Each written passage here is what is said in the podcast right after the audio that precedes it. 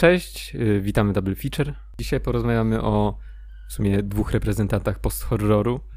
Y, termin jest dosyć kontrowersyjny, być może z niego zrezygnujemy później, ale to najpierw sobie o nim porozmawiamy i porozmawiamy o dwóch takich pierwszych reprezentantach post-horroru, czyli Jordanie Pilu i jego najnowszym filmie Nope y, oraz Arim Asterze i jego debiucie Hereditary Dziedzictwo.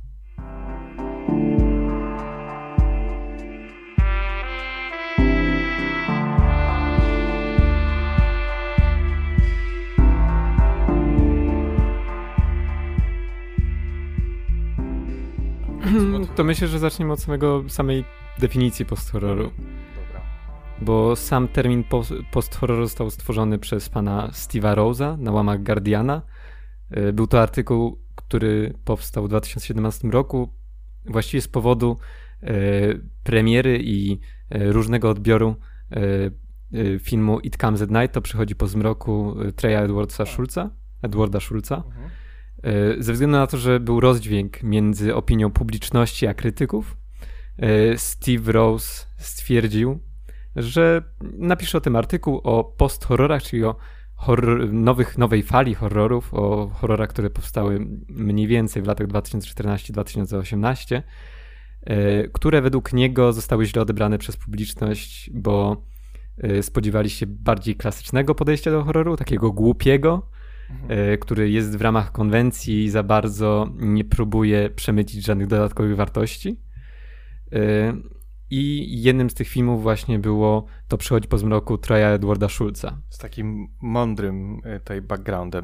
Tak, z bardzo mądrym, mądrym backgroundem. Wydaje mi się, bo... to jest też dobry przykład, no bo to chyba najbardziej jaskrawy pod względem zwiastunu. Mhm. Że to myślę jeden z najbardziej źle sprzedających swój koncept filmu w zwiastunie, takim przekłamującym zwiastunem ostatnich lat, bo on rzeczywiście wygląda w tym jak e, no, generalnie film o zombie, o jakimś takim przetrwaniu, survivalu, a ja bym się nawet kłócił, czy to jest w ogóle horror tak naprawdę, a przynajmniej w takim e, zwyczajnym rozumieniu. Nawet nie, że post-horror, e, tylko że generalnie ten film jest o czym innym, z takim, a nie innym jakimś tam settingiem w tym takim świecie y, postapokaliptycznym, ale że, że to nawet nie jest to.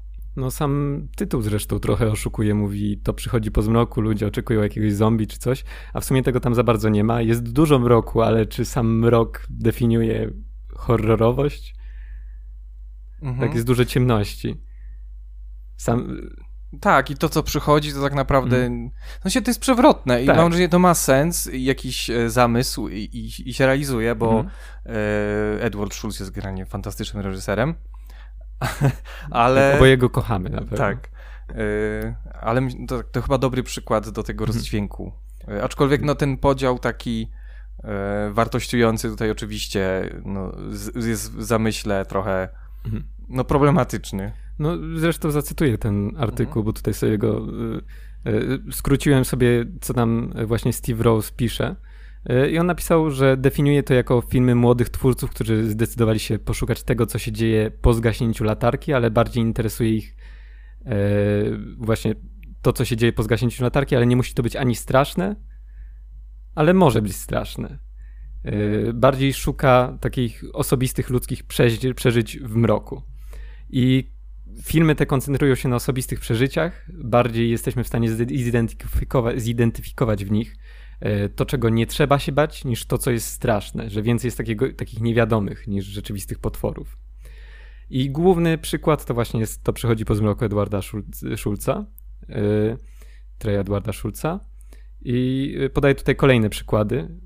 Zresztą z tych przykładów mam wrażenie, że on wybrał głównie filmy, które mu się podobają, a te, mm -hmm. które mm -hmm. mu się nie podobają, przemilczał albo powiedział, albo dobra, to, to najpierw przytoczę.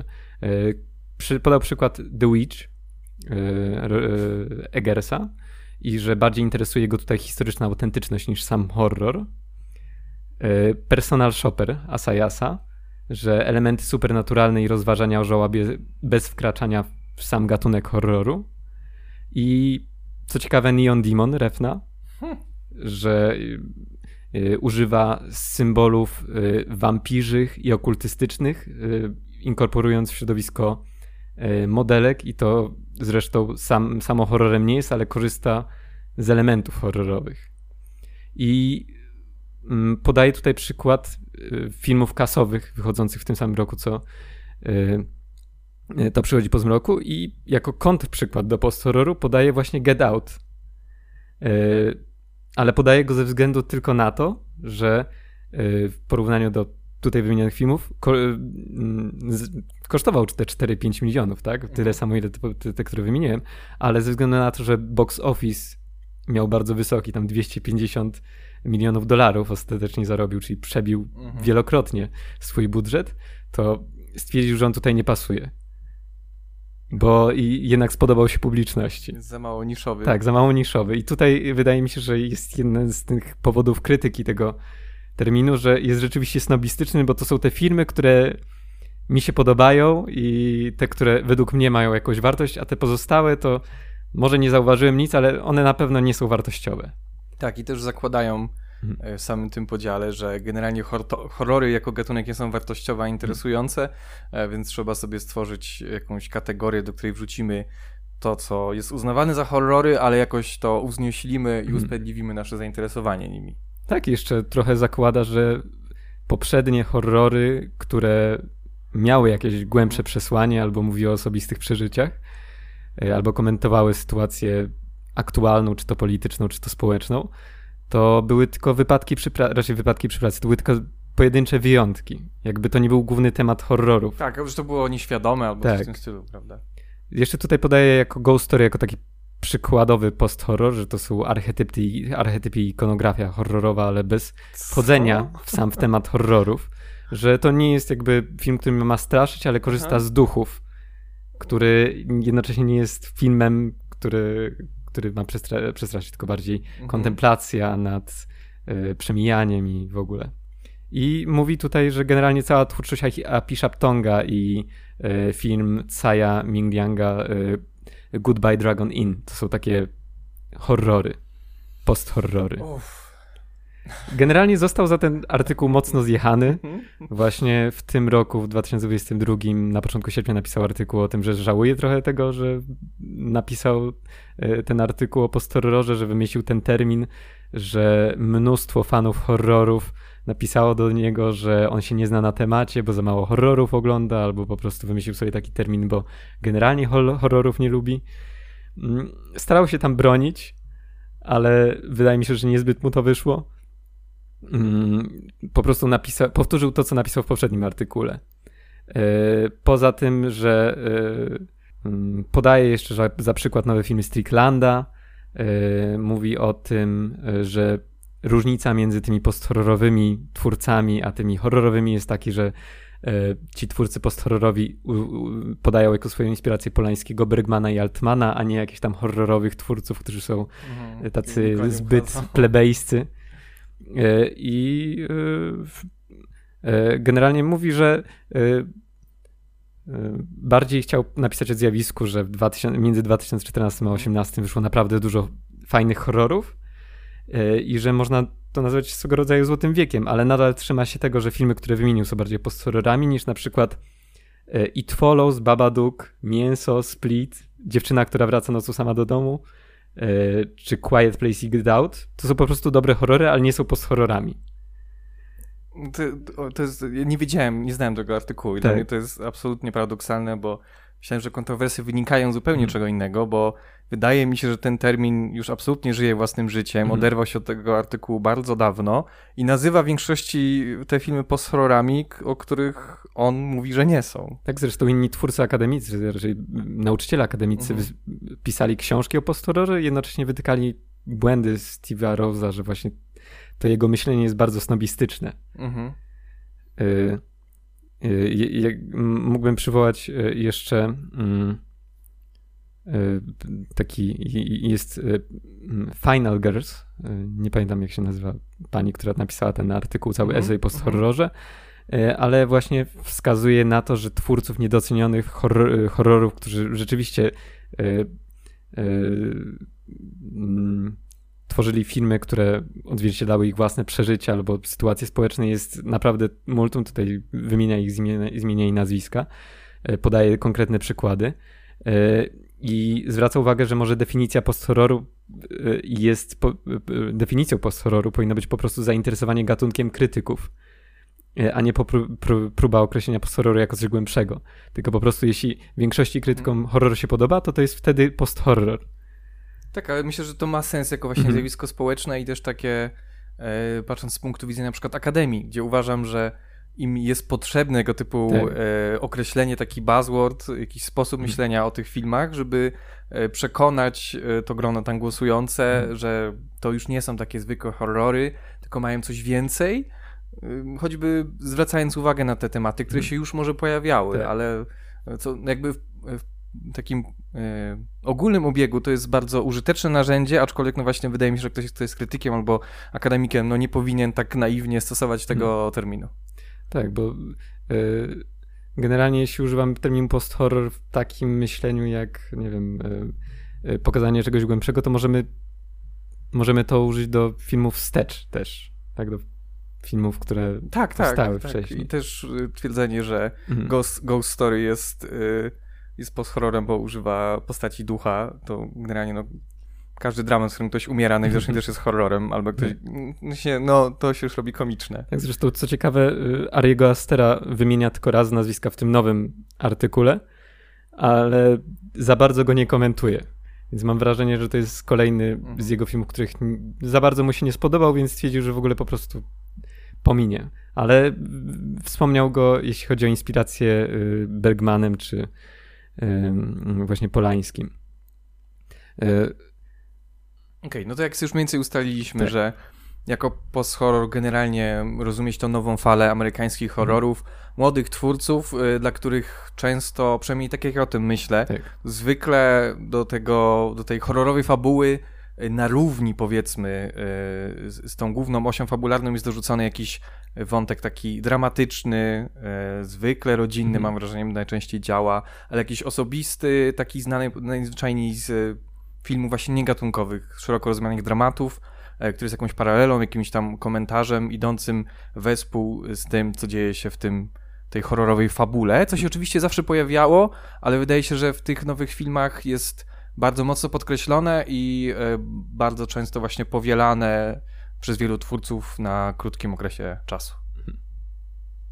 Tak? Tak. Tak, zgadzasz się? Obiekcje? Komentarze?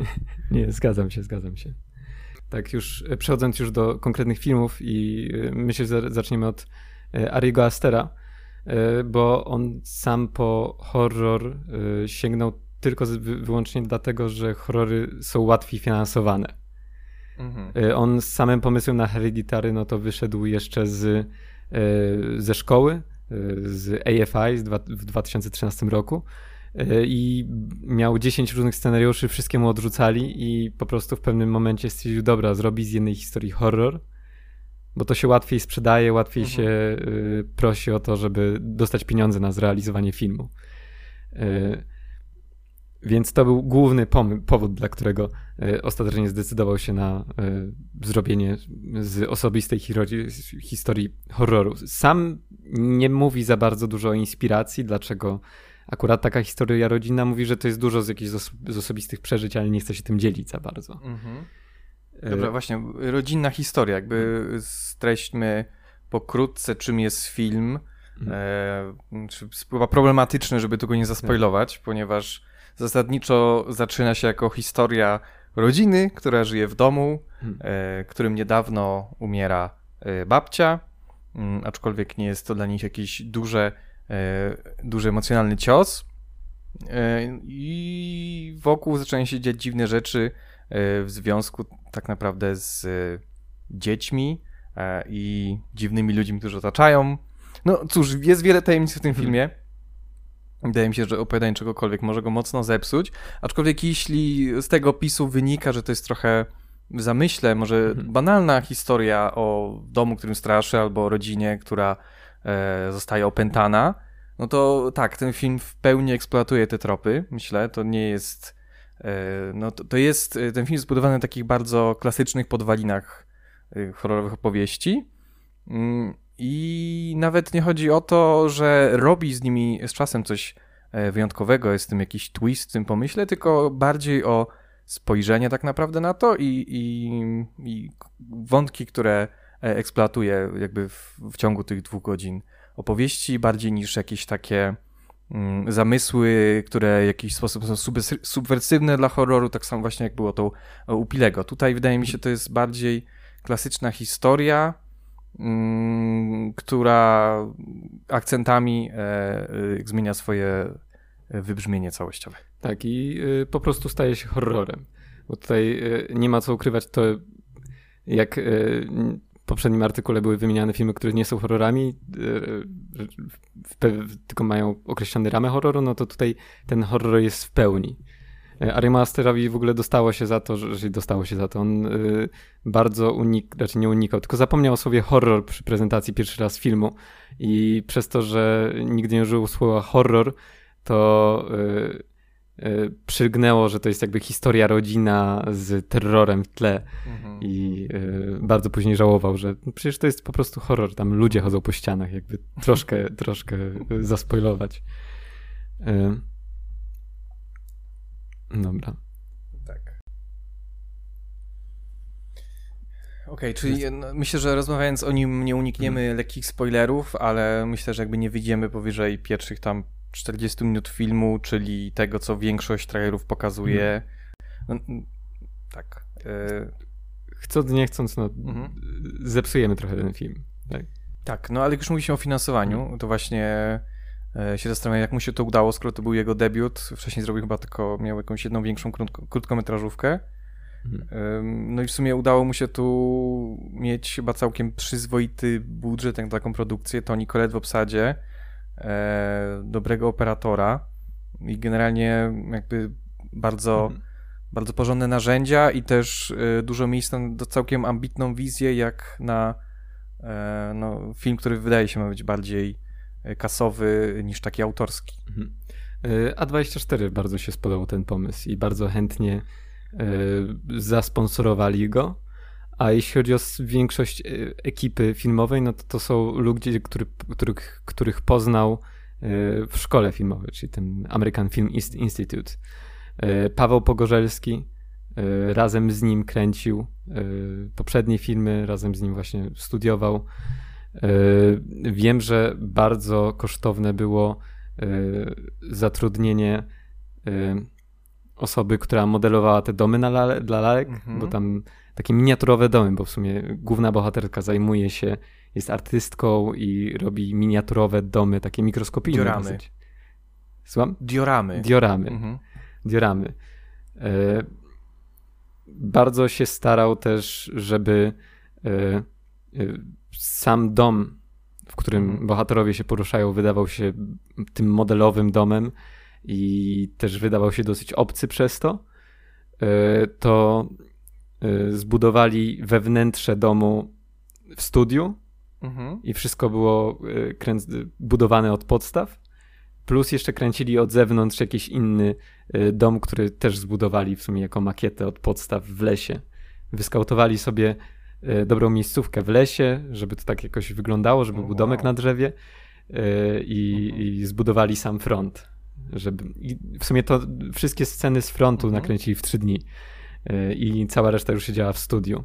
Więc jakby nie patrzeć, jeśli chodzi o zewnętrzne i wynajmowanie powierzchni, no to tutaj jest spora oszczędność. Nie? tak, ale wybudowanie tego w jakimś miejscu w lesie też nie wydaje się tak. ekonomicznym wyjściem. Tak, ale pewnie y, zbudowali i rozłożyli go od mhm, razu, mhm. nie? To jest mm -hmm. też y, oszczędność na materiale, które później można sprzedać czy coś. Wow. Tak. Ale sam film kosztował jakby nie patrzeć na standardy amerykańskie, te 4-5 milionów dolarów, to Czyli jest mikrobudżet, mikrobudżet mhm. na debiut. Mhm. Więc w sumie to nie jest, nie, nie jest jakaś ogromna kwota. Zresztą podobnie y, Jordan Peele, Get Out, tak, też tak, wtedy 4 miliony. 4 mhm. miliony. Yy, właśnie, tak zastanawiałem się, oglądając film już kolejny raz i jakby wiedząc, co w nim chodzi i jaka jest konstrukcja, e, czy w którymś momencie e, Aster jakby zdradza, jaki był jego zamysł na ten film, bo wydaje mi się, że on ma dosyć taką mm, spójną konstrukcję, mhm. E, że, że to, to, było jakoś ideowo e, uwarunkowane, co się wokół tego wytworzyło. Dosyć specyficzny sposób, bo dużo jest takich pobocznych wątków i też tej konstrukcji scenariusza, która jest bardzo taka przenikliwa, czyli taka zagadka, jeśli film oglądamy drugi raz, to dostrzegam dużo małych rzeczy, też jest dużo takich małych hintów, których bym w życiu nie zauważył, gdyby nie coś ludzie w internecie, którzy na kadrach to pozaznaczali, na przykład, że coś widać albo coś słychać, bo też sound design to jest e, no, bardzo mhm. znaczący i dużo buduje e, tej grozy. Ale właśnie, czy jest jakiś taki jakoś, jakoś tłumaczył, jak mówisz o tym pitchingu filmu dla, dla, dla tych producentów, to czy uprawiał coś takiego później też, próbując jakoś tak jakby powiedzmy syntezować e, ten scenariusz? On jest jednym z tych twórców, co e, mówi, że on nie lubi rozmawiać o swoich filmach. On mhm. chętniej porozmawia o swoich inspiracjach albo o innych filmach. E, generalnie Toni Collette powiedziała o nim, że jest najlepszy, najbardziej przygotowanym reżyserem, z jakim miała okazję współpracować on zanim zacznie film, no to ma już wszystkie ujęcia rozplanowane, rozpisane, narysowane, co wszystko ma się po kolei dziać. Więc generalnie te wszystkie hinty do może finałowego twistu, czy tam generalnie do mhm, samego finału, mhm. e, no to to było wszystko zaplanowane, ale główną osią dla niego, czyli tak jak powstawał ten scenariusz, to była ta tragedia rodzinna. E, on mówił, że mm, on bardzo chciał, żeby to był film egzystencjalny bo był w takim, y, w takim etapie swojego życia, że generalnie miał taki, te, te, takie odczucie. E, też mówił, że bardzo inspirował się Peterem Greenawayem, jego The Cook, The Thief, His Wife and Her Lover. Mhm. On mówi, że to jest film bardzo mizentropiczny, taki podchodzący z odrazą do współczesnego świata i do człowieka w ogóle i chciał trochę oddać to uczucie, ale troszkę z nadzieją. Y, plus y, a propos egzystencjalnych y, problemów, to mhm. tutaj chciał przedstawić problem rodzinny, który za bardzo nie ma rozwiązania, ale z którym po prostu trzeba żyć. I wiele filmów oferuje jakieś rozwiązanie, mhm. szuka jakiegoś lekarstwa, ale tutaj bardziej chciał pokazać właśnie ten problem relacji rodzinnych, tych jakby niewidzialnych nici łączących tych wszystkich członków, yy, tych czynników, na które się nie ma wpływu. Zresztą jest tam w filmie yy, w pewnym momencie lekcja yy, o tragedii antycznej, tak, o tak, tym, że takie oczywiste dosyć oczywiste, o tym, że jest to tragedia i że tutaj bez względu na to, co zrobią bohaterowie, mm. no to mhm. i tak to się skończy dla nich tragicznie. Tak, czyli po prostu fatum po prostu fatum. I właśnie chciał to przedstawić jako rzeczywistą historię, rzeczywistą jakąś e, rzeczywistą e, sytuację, z którą rodzina musi sobie poradzić. Chociaż jest to i sytuacja dosyć ekstremalna. Mm -hmm. Nawet bardzo. Tak. Plus, e, inspirując się dzieckiem Rozmery, chciał pokazać historię teorii spiskowych, czy tam mhm, konspiracji, mm -hmm z perspektywy osób, przeciw któremu, któremu jest planowana ta cała mhm. konspiracja. Mhm. Od samego środka, która się powoli rozwija. A, czyli nie widać zupełnie tej tak. machiny, która się krąży wokół, tylko samą ofiarę, która tak. dostrzega konsekwencje Która po prostu tego. w momencie, kiedy plan mhm. już yy, zbliża się do finału, to dopiero wtedy odkrywają się wszystkie karty. No tak, faktycznie. To dziecko Rosemary też miałem, miałem cię zapytać o to. Tak, tak. Czy to były jakieś bezpośrednie nawiązania? Y, bezpośrednie nawiązania na pewno y, mówił, że y, zakończenia, odczucia z zakończenia dziecka Rozmery mhm. są podobne do odczucia z zakończenia hereditary dziedzictwa. Mhm. Bo to jest jakby po, podobny poziom odkrycia kart przed widzami, mhm, który mhm. widzowi może się nie spodobać. Mhm. Że co, nagle wszystko jest oczywiste, gdzie jest ta cała niewiadoma. On chciał tej dwuznaczności, wieloznaczności mhm. się pozbyć. Jakby... Chociaż nie wydaje mi się, że to jest tak jak właśnie w Rosemary, bo mhm. tu jest sporo niewiadomych. Też właśnie googlając film, y, bardzo ciekawe były dla mnie te najpopularniejsze zapytania na Google, które mhm. proponuję. I na przykład pojawiały się w nich czy ten film kończy się dobrze? czy to jest szczęśliwe zakończenie? Bo też muzyka na końcu tam y, leci chyba Johnny Mitchell. Tak. Y, tak przewrotnie trochę, ale no można, jeśli nie do końca się połączy wszystkie kropki, hmm. bo to oczywiście jest odsłonione, ale nie jest transparentne. Hmm. ten film wymaga trochę zaangażowania i połączenia wątków, które niekoniecznie są jakoś bardzo dobrze wyeksponowane w mhm. międzyczasie. Znaczy się, na pewno część osób się cieszy tam, część tak, bohaterów dla się kogoś, cieszy. Dla czegoś, co jest dobre zakończenie. grupy osób to jest bardzo pozytywne zakończenie. Tak. Ale sama melodia na końcu wydaje mi się, że tak jak w Midsommar jest po prostu jakimś takim kontrastem, elementem mhm. humoru Astera, mhm. że ma być kontrastem dla samego zakończenia. Tak. E, z, e, w porównaniu z Midsommar to wydaje mi się, że w Hereditary nie masz tyle humoru. Nie? Bo Midsommar wydaje mi się, że jednak ten humor był bardziej intencjonalny, a tutaj w tak. Hereditary dziedzictwo nie, nie ma tego humoru. Nie, Ale... nie ma nawet jakby zabiegów. Ta tak. ironia, jak się pojawia, to tak mniej chyba mhm. Mm, w jakiś jaskrawy sposób. Też nie ma takich postaci, które mhm. są czysto komiczne. No jakby przy tym mhm. ciężarze y, tych, tych zdarzeń życiowych tu mhm. Trochę, trochę to trudno.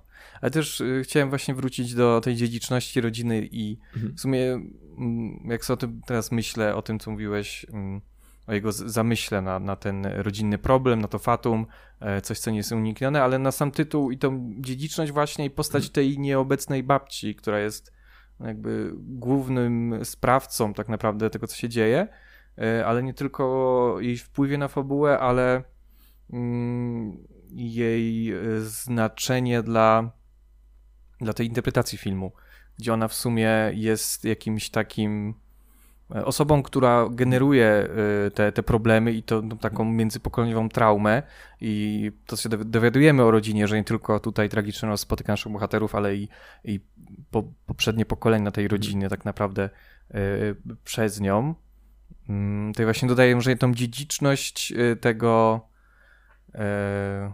tej tragedii mhm. Y, i no wydaje mi się, że chodzi o samo multigenerational trauma, mhm. gdzie w sumie błędy naszych pradziadów, rodziców, wszystkie decyzje, wszystkie mm, regrets, jakieś żale w stosunku do poprzednich swoich wyborów jest przenoszone dla dzieci, na dzieci, cały ten smutek, całe jakieś tam błędy.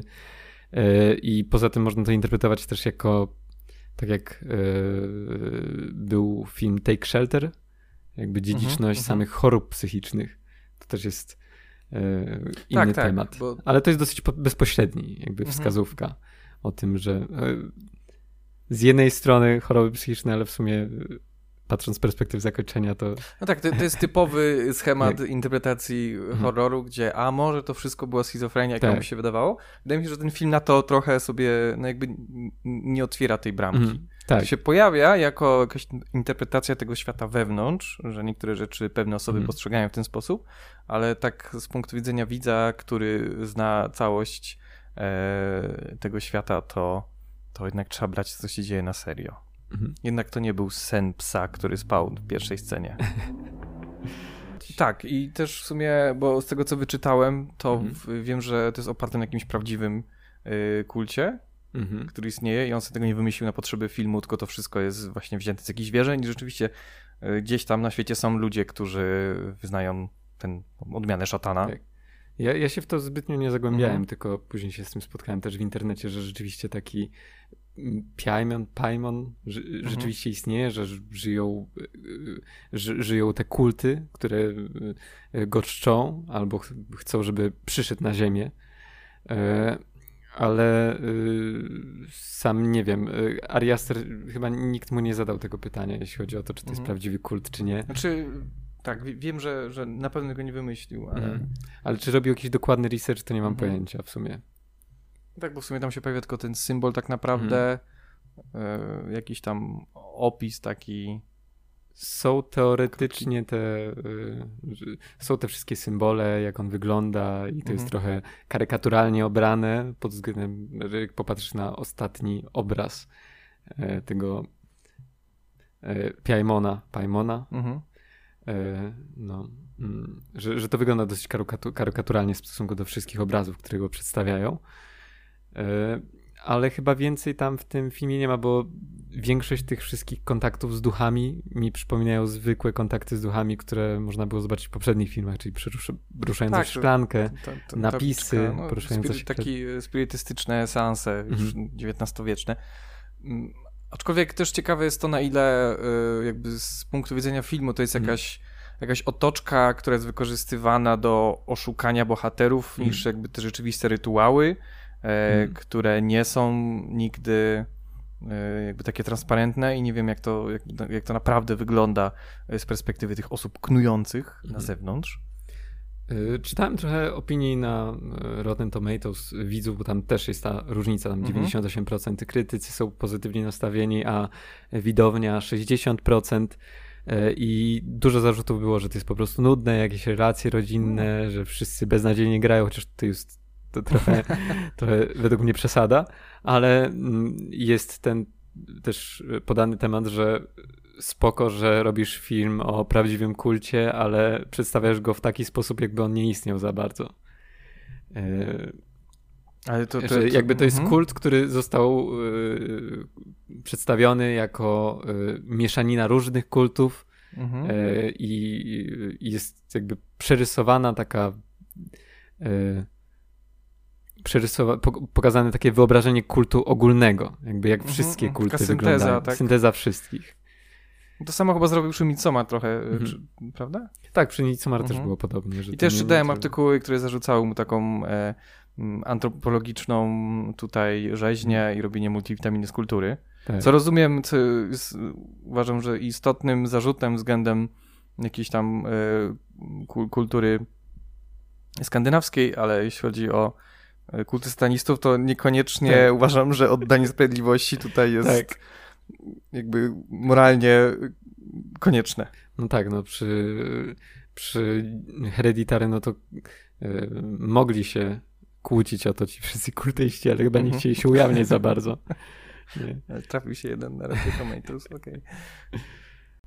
A to jest ciekawe, bo wydaje mi się, że ten film jest dosyć e, dla takiego fana horroru, y, który lubi tą klasyczną formę i tych nowych wynalazków mhm. właśnie z dramatami rodzinnymi, to wydawało mi się, że z tych wszystkich filmów ochrzczonych post-horrorami, to właśnie Hereditary można by uznać za taki e, najbardziej przystępny dla osób, które oczekują e, zwyczajnej formuły horroru. No ale y, jakby nie patrzeć, no to ten film staje się bardzo horrorowy dopiero w ostatnich 10 minutach filmu, jeśli nie 15, 15 mhm. minutach filmu, gdzie rzeczywiście pojawia się jakieś napięcie, jakiś taki strach wynikający bardziej rzeczy z paranormal, paranormalnych mm -hmm, albo mm -hmm. takich bardzo niepokojących tak wprost. Tak, e... też wizualnie jakoś e, mm -hmm. nie, nie, niepokojących. A to też jest ciekawe, że e, co się świetnie udaje, mam wrażenie, że te relacje rodzinne właśnie służą za tą taką materię mhm. horrorową przez wcześniejsze momenty filmu, że jest dużo scen takich okropnych, niesamowicie nieprzyjemnych i równie trudnych mhm. do oglądania co makabry, e, kiedy to są jakieś jakieś takie wręcz chore sytuacje rodzinne, mhm. które mają miejsce po, pomiędzy bohaterami, czy, czy same nawet e, jakby atmosfera, czy, czy konsekw... Hmm, jakiś taki pejzaż emocjonalny mhm. y, po rzeczach, które się tam dzieją e, i które są niesłychanie trudne i niewyobrażalne w ogóle do jakiegoś y, emocjonalnego takiego uosobienia się. Też wydaje mi się, że to może jest ten problem, że tam się dzieją rzeczy tak okropne dla tych ludzi, że trudno postawić się w ich sytuacji. Z jednej mm. strony to jest niesamowicie wymagające, z drugiej tak e, horrendalnie odległe, że, e, że aż, aż niemożliwe do osiągnięcia. Chociaż wydaje mi się, że scena e, kolacji rodzinnej, która jest w sumie mhm. teraz kultowa, to większość osób uważa ją za jedną z najbardziej przerażających scen w filmie, albo przynajmniej taką robiących wrażenie. Tak, myślę, że tu aktorstwo Toni Collette mm. robi naprawdę dużo, no i sama ta konfrontacyjny charakter, taki w sumie najgorszy tak mhm. naprawdę, mm. bo dotyczący najbliższych członków rodziny i poruszających rzeczy, o których by się nie chciał rozmawiać. Mm. W ogóle tak skaczemy jeszcze po tematach, ale y, nie wiem jak... Y, ty oglądałeś teraz Hereditary po raz drugi? Tak. Po raz drugi. Y, a jak za pierwszym razem oglądałeś, to poczułeś się oszukany, y, jeśli chodzi o sam, samo zakończenie? Nie, Bo nie. W sumie ja, ja. dużo kontrowersji wyszło mhm. z samego faktu poczucia bycia oszukanym. No bo dużo, mhm. dużo reklam było, albo też aha, dużo recenzji, aha. dużo opinii o tym, że to w sumie nie do końca jest horror, że jest dużo niepokoju. A czyli zupełnie to... odwrotna sytuacja niż względem, względem tego, co mówiliśmy It Comes at Night, tak? Mhm, czyli, tak. Że, że to nie miał być horror. Tak. Mhm, to ja może nie miałem takich oczekiwań, bardziej szedłem na horror, właśnie yy, znałem go z tego, że miał być straszny, to mm. chyba był w Toronto czy gdzieś i były takie bardzo bombastyczne opinie na jego temat. Mm, ale no, mi się bardzo podobało to, że on nie starał się być subwersywny względem horroru, co mm. wtedy było popularne on raczej wykorzystywał te znane ścieżki z jakimś nowym takim, nowym smaku. Tak. Dlatego wydaje mi się, że są filmy, bo na przykład za drugim razem, jak już to oglądałem, to już wiedziałem, z czym mam się liczyć i o wiele bardziej mi się podobało, jak już się nastawiłem odpowiednio na oglądanie. I y, warto wiedzieć przed tym seansem, przed filmem, że to jest po prostu horror, że to mhm. jest film, który kończy się w ramach horroru y, i tego należy po nim oczekiwać. A widzisz, ja, miałem, ja byłem zaskoczony, co na mnie miał lepszy, lepszy odbiór był dla mnie właśnie po pierwszym razie, bo byłem zaskoczony i taki mm, ta, ta, ta nowość e, mnie najbardziej zainteresowała, hmm. więc jeśli ktoś chce być zaskoczony, to lepiej, żeby nie wiedział. Także teraz można zapomnieć tak. albo, albo nie. Tak, a w przypadku Jordana Pila jest jakby zupełnie inaczej, bo tam praktycznie żadnych niewiadomych nie ma. Nie? Jeśli chodzi o jego debiut Get Out, mhm. który rozpoczął jakby taką chyba modę Albo nie, nie, nie, nie No tak, na pewno przeszło jakoś do mainstreamu. Mhm. Ten film był na Oscarach, dostał y, na, y, był, Oscar za scenariusz. Dostał w ogóle nominację za najlepszy film. To chyba tak, w ogóle też... jeden z niewielu filmów horrorów, mhm, które dostały nominację. Egzorcysta i jeszcze jakiś jeden tak. tytuł tak. to powtórzyły wcześniej. Mhm. Tak. E, I e, to był ogromny sukces, no bo w sumie budżet 4 miliony, prawda, a e, box office 255 milionów. Tak, to chyba jedyna rzecz, która się. Tylko horrorom udaje się uzyskać tego typu wyniki przy tak, tak. niskich kosztach produkcji i tak dużej popularności. No, w sumie Blair Witch Project jest najbardziej mhm. kasowym filmem, jeśli pod względem y, stosunku budżetu do przychodów, nie? Bo to mhm. tam też chyba kosztowało 5 tysięcy dolarów, a zarobiło 100 milionów, czy coś takiego, nie? Może mniej. E, ale Jordan Peele e, później wyreżyserował e, As, mhm. czyli Tomy po polsku. Też zrealizowany chyba jeszcze w niskim budżecie. 20 milionów około. 20 milionów. No, mhm. czy jeszcze nisko. Już lepiej, ale, ale jeszcze, no. to już w sumie taki mikrobudżet, mhm. taki średni, mały budżet i teraz Nope za jakieś 70 milionów, czyli już taki duży film, ale jak na taki wakacyjny blockbuster, przy dzisiejszych standardach to już nie jest to jakby, nie są takie no, bardzo duże pieniądze. Mhm. Poprzednie jego filmy, właśnie to my czy Get Out, dosyć otwarcie pokazywały, że są filmami o problemach rasowych, e, problemach społecznych w Stanach Zjednoczonych. Zresztą sam tytuł US po angielsku US e, to jest samą wskazy, wskazówką, że United States. Przynajmniej tak, tak? tak, tak mi się wydaje, tak, tak czytałem takie interpretacje. No ale y, y, Nope jest y, filmem, który w sumie horrorem jest ze względu tylko na to, że jest potwór. Nie wiem, czy mogę o tym mówić w ramach Tak, no, no bo to jest wiadome w sumie od samego początku. Potwór, tak. Tak. E, I to jest pierwszy jego film, który został wyprodukowany przez Universal, już nie przez tak mniejsze studio Blumhouse. Blumhouse? Tak, Blumhouse Productions. Mhm. E, aczkolwiek to nie do końca tak było, ponieważ Universal od początku był e, dystrybutorem jego filmów e, i od też samego, od samego początku jednym z producentów była jego firma produkcyjna, więc ona się tam zawsze pojawia. Blumhouse był e, jakimś tam koproducentem, mm. ale od tego właśnie, e, od trzeciego filmu to producentami już jest tylko właśnie Monkey Paw e, i Universal, mm. czyli firma Jordana Pilego i, no i mm. duże studio. Tak, i też duże pieniądze, no ale może wróćmy do tego, bo jeszcze nie rozmawialiśmy w przeciwieństwie od e, Astera o Jordanie Pilu, mhm. E, bo to dosyć no, specyficzna postać. E, wydaje mi się, że już tak z pewnością zapisana już na kartach, powiedzmy, historii filmu. I no, przyszła do tych horrorów dosyć mało takich oczywistych rejonów, czyli z komedii E, myślę, że, że wiele osób na pewno kojarzy przynajmniej jego twarz, nawet jeśli nie widziało e, sketchy, to choćby z gifów, e, czy generalnie jakiegoś takiego internetowego szumu, gdzie się może pojawiać.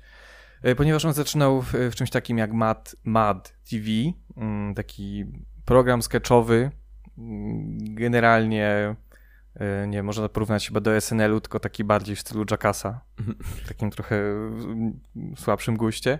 E, i tam przez wiele lat był jednym z e, członków obsady i tam właśnie poznał Kigena Michaela Kia e, i po tym jak obaj odeszli z Mad TV na Comedy Central mieli swój własny program sketchowy Pili and K, K and Pili, przepraszam. No i przez wiele lat przez wiele, trzy albo cztery kręcili kolejne odsłony. To miało dosyć duży budżet, miałem wrażenie, bo to jakby pod względem realizacyjnym to robiło naprawdę duże wrażenie. No i ten poziom tych sketchy też był mhm. bardzo dobry. Te tematy rasowe już wtedy oni często bardzo poruszali.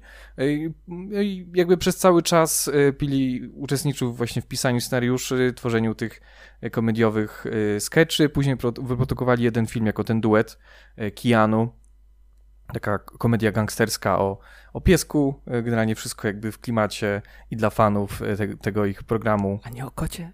O kocie? Może o kocie, o kocie, tak.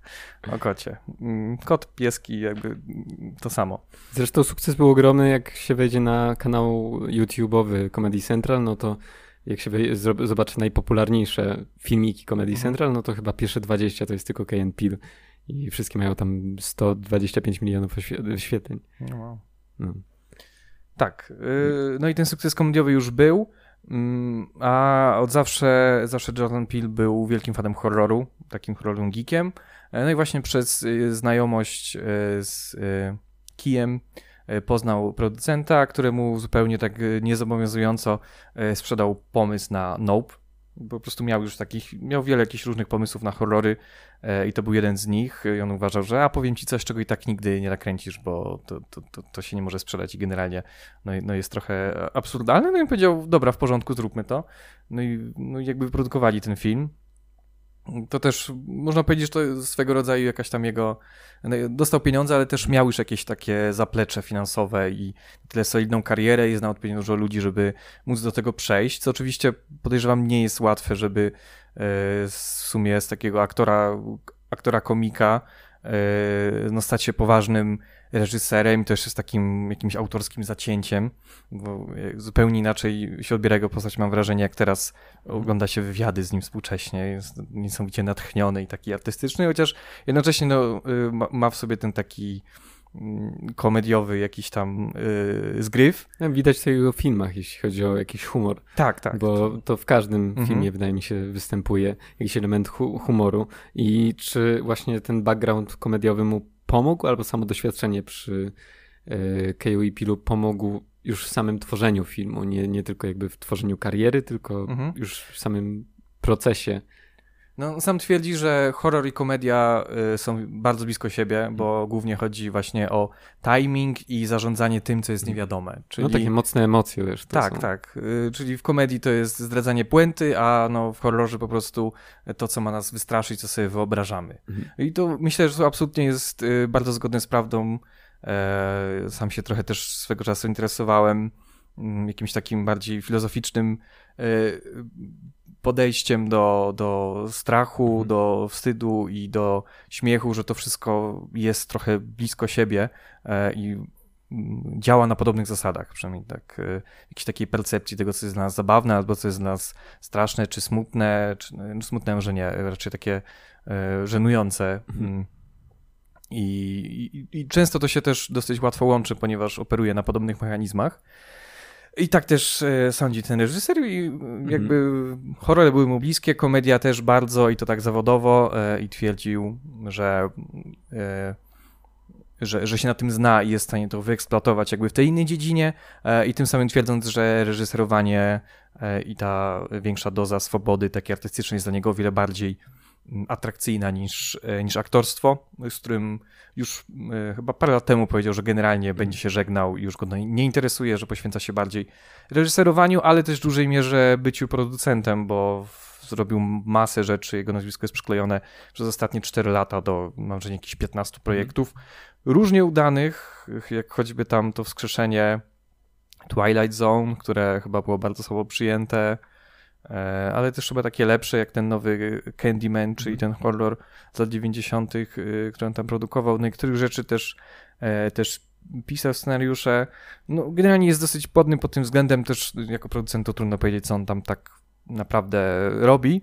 E, no ale na ten kolejny film czekaliśmy aż 4 lata po As. A 4 lata to aż trwało. Tak, 2017 mm. Get Out, 2018 As i 222 Nope. Nope. I o czym jest Nope? Tak, Nope. E, zasadniczo tutaj myślę, że nie wychodzimy poza kampanię reklamową. Jest o UFO.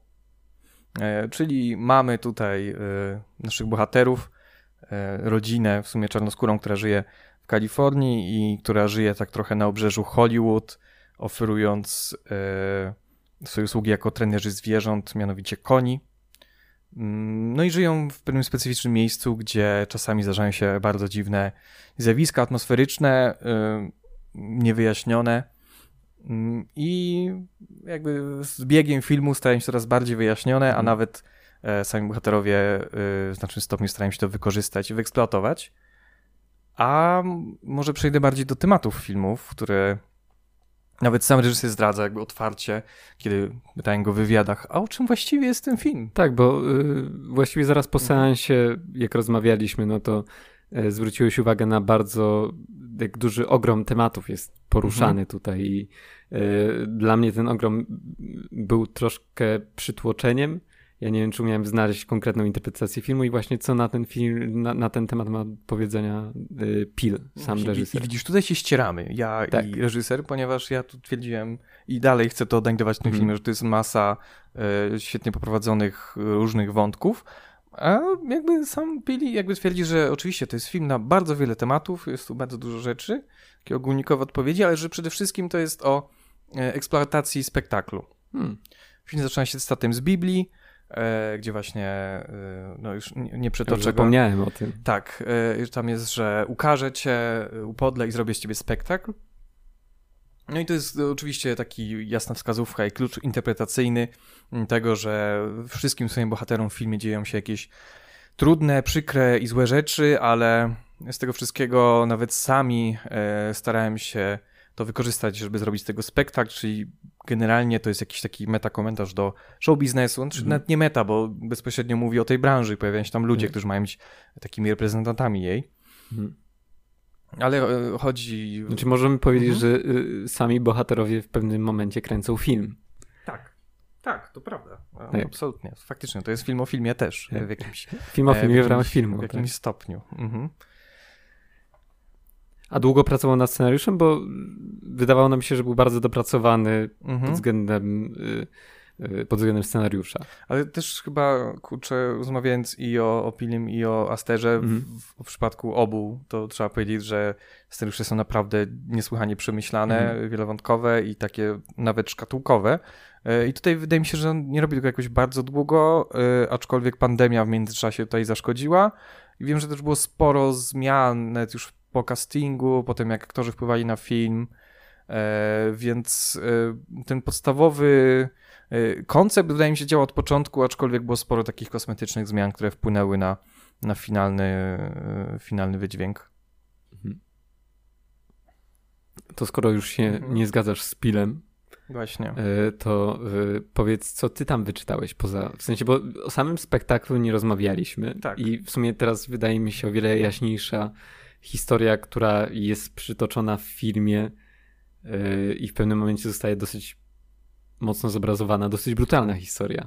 Tak, to w sumie otwiera film, myślę, mhm. żeby powiedzieć y, postać Stevena Yuna. Yy, to jest człowiek, który grał w sitcomie. Mhm mm, jako młody chłopiec, który na planie był szympans i ten E, szympans w pewnym momencie, jeden z szympansów grający postać, e, wpadł w furię i zaczął atakować obsadę. Zrobił bardzo dużo krzywdy wielu osobom. On był tego świadkiem bezpośrednim, ale jemu się udało jakby ujść, ujść cało. E, I, i, I, to też jest jakby kolejny, kolejny wątek tego, że on, jemu się udało z tego wyjść cało i generalnie pozostaje w tym show biznesie. Co więcej, tą traumatyczną sytuację, która go no, na pewno jakby E, naznaczyła na resztę życia i go bardzo mocno skrzywdziła. On e, jakby ciągle eksploatuje, ciągle pogłębia, zbiera tam mm, jakieś pamiątki po tym e, i czyni z tego swój atut, jakiś e, swój rodzaj e, swojej e, osobowości. Też jest sporo mm, sporo interpretacji tego, że po tych doświadczeniach z tym dzikim zwierzęciem, którego oszczędziło, on y, twierdzi, że generalnie ma jakieś takie podejście, czy jest w stanie nawiązać relacje z tymi niebezpiecznymi zwierzętami e, i że zawsze te sytuacje, które innym się nie udają, jemu ujdą na sucho. Mhm. Co później w filmie ma swoją kontynuację e, i jest jakoś bezpośrednio mm, komentowane. Aczkolwiek tutaj dla mnie y, ciekawszy jest sam wątek tego, że on po prostu y, używa tej traumy i jakby nie zauważa tego, że fakt, że to go trochę definiuje, nawiedza, y, to nie jest coś, co jest pozytywne, tylko to jest jakiś taki jego skrzywiony sposób radzenia sobie z tą traumą. Mam wrażenie, że ten film też to pokazuje, mhm. zestawiając jego postać pewnego siebie dorosłego człowieka, który o tym mówi z tym przerażonym dzieckiem, że jednak to jest jakaś taka y, skaza, która, którą on sam jakby, rana, którą on rozgrzebuje. Mhm. Po prostu tak, tak robi, bo ta, tak już jest. Jednocześnie ten Hollywood i ten, ten, ten system eksploatacji tego, co szokujące, mówił mu, że to jest E, jakby to jest właściwe i że on nie powinien sobie z tym poradzić, tylko właśnie mm, jakby po raz kolejny rozdrapywać tą ranę. Też jeśli chodzi o głównych bohaterów, to y, oni tutaj starają się jakby spieniężyć y, to, co ich nawiedza, czyli w sumie jakby powiedzieć, y, po, powiedzieć prosto, to samo UFO. Mhm. Starają się obrócić tą tragedię na swoją stronę, tak samo jest, są jeszcze obarczeni pewną traumą rodzinną, E, jeśli chodzi o strat, stratę członka rodziny. Mhm. Mm. Tak, e, tu, tu, znowu jest właśnie to, mm, to drążenie tego, aczkolwiek wydaje mi się, że w tym drugim wątku e, to jest przedstawione trochę bardziej pozytywnie, e, pod takim względem, że mhm. mm, to jest bardziej konfrontacja e, z tym nieznanym mm, i próba właśnie jakiegoś pogodzenia się z tym, co się stało poprzez E, pełne jakby unaocznienie tej sytuacji, tego co jest z, nim, z nią związane i wyjaśnienie w takim gronie rodzinnym między sobą e, tego, co się stało, jakieś wspólne emocjonalne przeżycie tego. Więc może nie tu trochę e, przedstawiając tych dwóch skrajnie różnych bohaterów, mm. przedstawia też różne podejścia do, do życia po prostu z tym traumatycznym doznaniem. Hmm.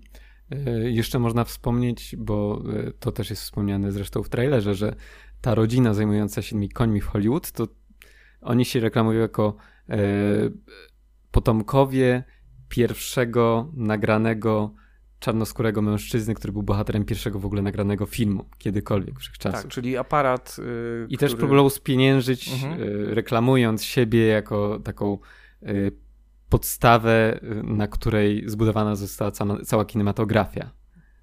Tak, tak. I oczywiście to też nikogo nie obchodzi, kiedy mm. oni tym mówią, bo to jest jakaś e, stara przeszłość i, i właśnie kiedy mowa o tych wątkach e, rasowych, w dwóch poprzednich filmach one mm. były o wiele bardziej tak. e, oczywiste i, i widoczne, e, a tutaj nawet sam reżyser twierdzi, że jest tego mniej i tak argumentuje, no, że, że dla niego każdy film jest w jakimś stopniu rasowy po prostu, bo mm. jest jakąś mniejszością i kiedy są czarnoskórzy bohaterowie na ekranie, to zawsze to funkcjonuje w jakimś kontekście społecznym po prostu. No ideologia jest wszędzie i tak, tak. dalej. No, no wiadomo. No też kręci ze swojej perspektywy. Tak, ale ja uważam, że ja sobie znajduję jakiś wątek taki rasowy, może nawet bardziej powiedzmy klasowy, e, kiedy mamy tych bohaterów, którzy odkrywają pewną rzecz, które właśnie to UFO, które jest nową mm i chcą je nakręcić I to z ich perspektywy właśnie nie odczytywałby jako, jako taką chciwość, czy chęć zdobycia sławy, czy, czy tego spieniężenia w spektaklu, ale właśnie to spieniężenie spektaklu ma być ich przejęciem takiej inicjatywy. Mhm. W sensie w ramach tego systemu starają się wygrać tą grę e, o sukces, o, o, o to spieniężenie tego nowego E, nowego źródła dochodu. Czyli po prostu znajdują tą żyłę złota i uznają, że w ramach tych niesprawiedliwości społecznej tym razem to oni będą tymi pierwszymi, którzy ją wydobędą e, i, e, i jakby wykorzystają ten system, który przez cały czas mhm. wykorzystywał ich jakby na, na zasadach tego systemu wciąż. No jakby nie patrzeć, no to jeśli chodzi o to, z kim walczą, o to, kto będzie pierwszy, no to walczą z innymi, z, z innym człowiekiem, people of color, czyli z samym Stevenem Ewenem, który też mhm. nie jest białym e, mężczyzną w średnim wieku. E, tak, tak, i on też, też jest, pasuje do tego. Tak, on, on, w sumie w tym serialu też był takim tokenowym, tak mhm. zwanym Azjatą, czyli był tam jako taka różnorodność od białej obsady e, i w sumie też porównując do tych szympansów, on też był takim traktowany jako mhm. jakieś taka, taka śmieszna, dziwna postać po prostu. A ja e, szczerze powiem, że ja to odebrałem, e, e, ta cała interpretacja, jeśli chodzi o spektakl, mhm. który, o którym mówił Pil, to do mnie to przemawia, Twoja interpretacja też do, do, do mnie przemawia, ale na, ja sam o tym filmie myślałem w kategoriach ekologii albo mhm. natury, której człowiek nie jest w stanie okiełznać za bardzo. Tak, tak. I że y, po prostu trzeba z tym żyć, albo po prostu dać naturze odetchnąć samej ziemi, y, bo to jest siła, której nie jesteśmy w stanie za bardzo pokonać. Mhm, to, to, to też w ramach y, tego mówienia mhm. o, y, o tej postaci Stevena Juna, gdzie on właśnie myśli, że ma tą więź ze mhm. zwierzętami, że je rozumie, że, że jest, jest ponadto. Właśnie ta, ta postać tego dzikiego zwierzęcia, które jest nieprzewidywalne tutaj. No, ten, ten, motyw się pojawia w wielu miejscach wielokrotnie i wydaje mi się dosyć mocno wybrzmiewa. Nawet są przywoływane takie konkretne już y, historie z Hollywood o dwóch trenerach y, lwów, którzy mieli nawet jakiś program, y, no trenowali te lwy przez wiele lat, aż po prostu jeden, jednemu jakoś tam zjadł twarz, czy coś w tym stylu. Po prostu stała się jakaś jedna nieprzewidywalna rzecz ze zwierzęciem, które ma tak potężną siłę, że no, człowiek w takich normalnych warunkach nie ma żadnych szans. W ogóle o ile rozumiem większość interpretacji tego filmu, mhm. Y, to jednak całość filmu zaraz po seansie mi się nie kleiła i jeszcze raz tak jak myślałem o tym filmie, to yy, za każdym razem jak myślałem o jakiejś teorii, to cały czas jakiś element mi nie pasował. Yy, w porównaniu na przykład do takiego mhm. Green Knighta, mhm. gdzie rzeczywiście tych tropów, tych jakichś poszlak było rzucanych miliony i yy, pod względem interpretacji, to cokolwiek sobie wymyśliłem, jakoś mi się to kleiło bardziej, to tutaj czułem się przytłoczony i przez to, że różne te e, poszlaki zostały stawiane przez Pila, to nic mi się nie łączyło w taką całość, całość, że jakbym mógłbym stwierdzić, że interpretacja, interpretacja mi pasuje od samego początku do końca. mhm. y, dyskusja o tym filmie jest całkiem fajna, mhm. ale jeśli chodzi o ostateczną konkluzję, o czym ten film jest, to jednak pozostawił mnie z, e, z taką emocją, z takim przemyśleniem, że w sumie to jest film o UFO. Tak. No tak. No jest. tak, w sensie, że to jest tylko film o UFO Aha. i reszta to jest taki element Aha. dodany, który nie jest motywem, którym mógłbym poprowadzić jako motyw główny interpretacyjny. Ale w sensie chodzi ci o to, czy te wszystkie wątki, o których mówimy, uważasz, że one były niedomknięte albo nie jakby ja, ja liczę po filmie, że nawet jak rzuci dużo tropów, które mhm. y, będą nasuwały różne interpretacje, to chociaż jedna mi się będzie tak pa pasowała od, początku do końca, nawet z, z tym wszystkim, A mi się to właśnie w tym filmie chyba najbardziej podobało, że mhm. on nie miał głównego motywu, y, takiego tematycznego czy interpretacyjnego, to wszystko jakby działa przez cały czas i żaden mhm. nie wydawał mi się tak bardzo dominujący. Może kilka trochę bardziej, kilka trochę mniej. Mhm. I to przeciwieństwo względem Green Knighta, którego przywołałeś, najbardziej dostrzegam w tym, że tutaj to wszystko było jednak takie konkluzywne i domknięte, że on mhm.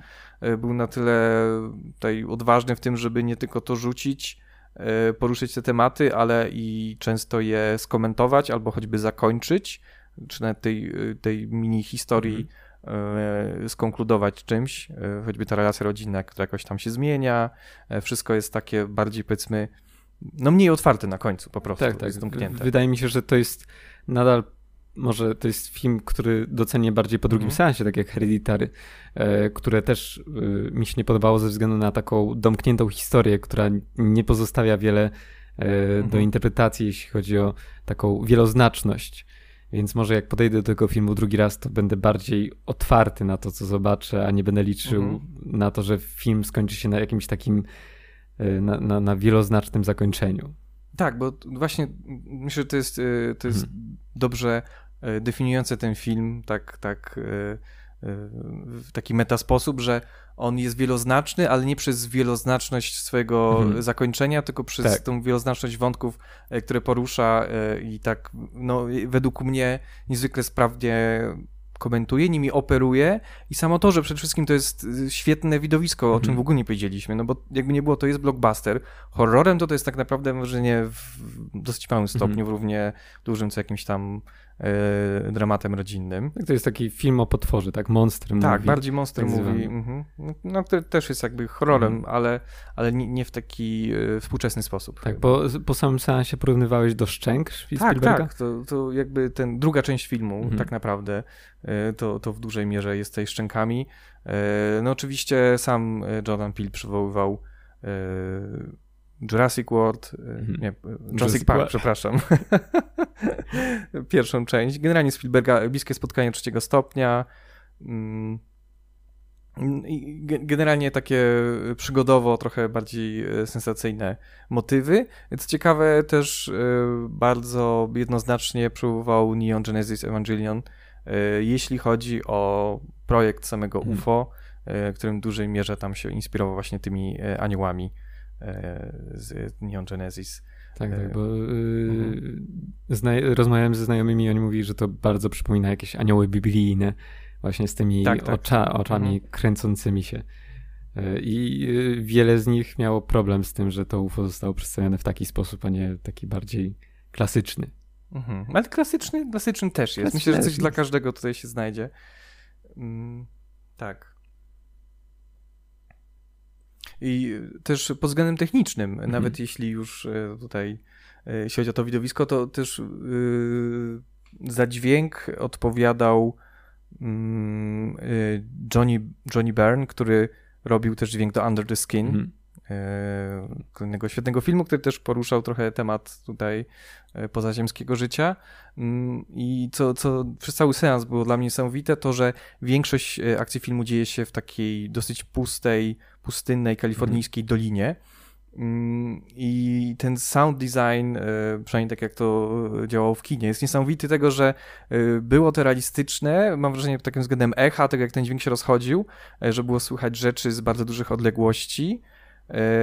A no jednocześnie to było i realistyczne, i takie świeże. E, i też interesujące i działające jakby tej przestrzeni, że dużo sam dźwięk dawał takiej informacji e, względem tego, co się dzieje, co kto robi, albo gdzie mhm. jest i znaliśmy tą przestrzeń, ale w dużej mierze właśnie dzięki słuchaniu e, i, I też później, jak w tych spektakularnych scenach, też ta pusta, otwarta przestrzeń była wykorzystana. Uważam, że fantastycznie działało, bo. Wizualnie i audiowizualnie. Tak, tak. I wszystko było w takich raczej otwartych, szerokich plenerach, gdzie dawało nam ogląd E, na, na, na skalę zdarzeń bardziej niż e, szło w tą taki greengrassowy e, motyw trzęsącej się reporterskiej mm. kamery z bliska, gdzie generalnie za bardzo nic nie widzimy, tylko mamy doświadczyć tego chaosu. Tutaj to, to takie spokojne spojrzenie z daleka na ten taki przerażający majestat myślę działało o wiele lepiej i, i mm. robi lepsze wrażenie. Tak, więc są to oba filmy, które no, myślę, że obaj bardzo tutaj ochoczo polecamy. Polecamy. Y, Hereditary jest na VOD, Nope jest ciągle w kinach y, i uważam, że absolutnie warto zobaczyć choćby przez wspomniany dźwięk, y, który bardzo dobrze działa w sali kinowej. W Hereditary też tak naprawdę, gdzie mhm. często tym, co jest straszne, są jakieś pojedyncze dźwięki, które są bardzo dobrze wykorzystane. Od samego terminu post-horroru trochę odeszliśmy i też w sumie nie ma co już tego tematu mhm. poruszać. Tak, no wydaje bo... mi się, że to jest to pojęcie e, użyteczne jako jakiś mhm. skrót myślowy, ale tak. że no, nie wolno się nad tym e, przesadnie opierać, czy mhm. traktować tego nabożnie, bo to jest bardzo mocny skrót myślowy. Tak, no są horrory dobre i złe, tak jak każdy film jest dobry i zły. Mhm. I filmy Jordana Pila i Ariego Astera możemy nazwać tymi dobrymi horrorami. Tymi, które nam się podobały. Tak, albo nawet też czasami nie horrorami. Tak, czasami nie horrorami, tak jak w sumie e, Nope. Tak. Nie. nie. Dobra, tylko mnie to śmieszyło. Ale e, to dziękujemy za uwagę, dziękujemy za słuchanie. Dziękujemy. E Życzymy wszystkiego dobrego i zachęcamy do kolejnych odcinków. Zachęcamy do poprzednich, poprzednich odcinków. odcinków. E, obserwowania naszej, naszego fanpage'a na Facebooku i naszej strony internetowej. Tak. Na razie. Na razie.